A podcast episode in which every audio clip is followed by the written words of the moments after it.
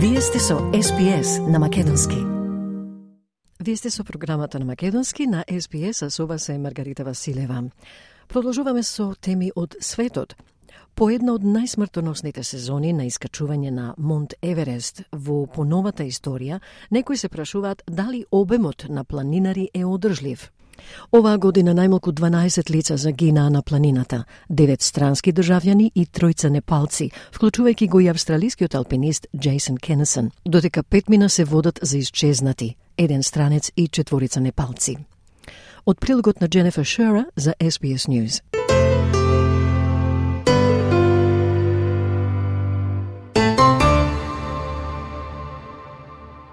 Джен Уилес е страствен алпинист. Таа се насочи кон Монтеверест откако и беше диагностицирана мултиплекс склероза во 2018 година.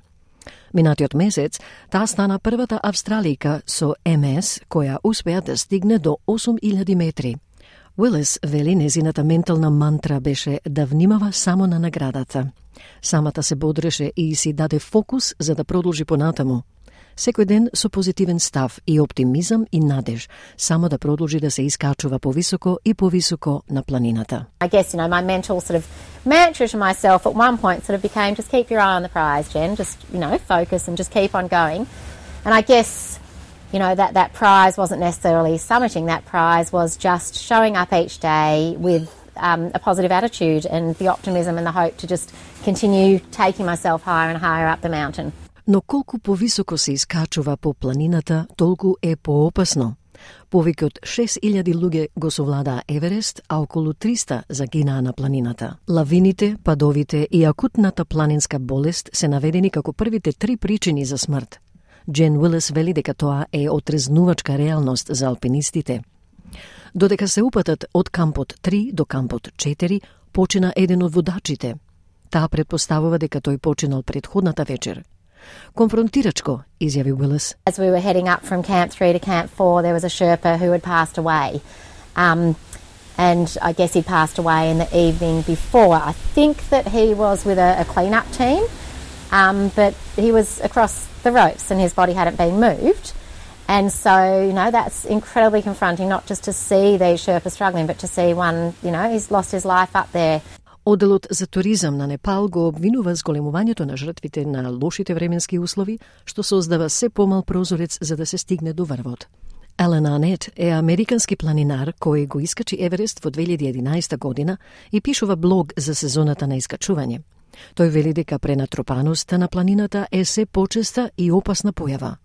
Анет изјави дека постои феномен наречен треска за врвот, каде што толку се обседнуваш со обидот да стигнеш до врвот, што ја суспендираш реалноста.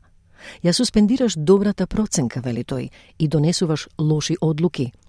Ке ти снема кислород на 8000 метри, ке умреш, точка, вели Анет. There's a phenomenon called summit fever, where you just you you become so obsessed with trying to get to the top that you suspend reality, you suspend good judgment, and you make bad decisions. You run out of oxygen at uh, 8,000 meters, you will die. Full stop. Туризмот е една од најголемите индустрии во Непал. Оваа сезона официјалните лица издадоа рекордни 479 дозволи за саметот, но владата инсистира дека не ја комерцијализира планината. Амбасадорот на Непал во Австралија, неговата екселенција Кајшлас Радж Похарел, вели побарувачката е многу голема, но секако намерата не е да се пренатрупа планината Еверест, тој вели треба да може да се управува и да биде безбедно. Demand is very high, but certainly our intention is not to crowd over to the uh, Mount Everest. It should be manageable, it should be safe, Амбасадорот на Непал во Австралија вели дека владата размислува за систем на квалификации за алпинистите, за дозвола да се бара одредено ниво на планинарско искуство, но има и повици тие проверки да бидат поригорозни. Черинг Джангбу е водач на Еверест од 2003 година и го има искачено Еверест три пати. Тој е секретар на Nepal National Guide Association – и вели има и илјадници луѓе кои сакаат да го достигнат врвот и смета дека тоа не е добра идеја.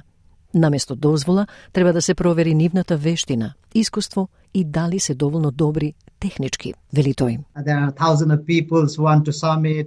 I think that's not a good idea. uh, we should think about it, check the skill, check the experience, if they are good enough, uh, you know, technical or they did climb before some 8,000 meters, if they have a good experience, then we should give them the permission. Предлогот е поддржан од Тим Маккартни Снейп, првиот австралиец заедно со Грег Мортима да стигнат до врвот на Еверест во 1984 година. Тој вели тоа е неправеден систем, затоа што можете, ако имате многу ресурси, тоа ест многу пари, можете практично да го платите патот до врвот. Но во поголемиот дел од Непал нема туристи и тие имаат фантастични планини низ целата должина и ширина на земјата. Има прекрасни врвови. Така владата може да каже во ред, ако сакате да одите на Еверест, треба да се квалификувате.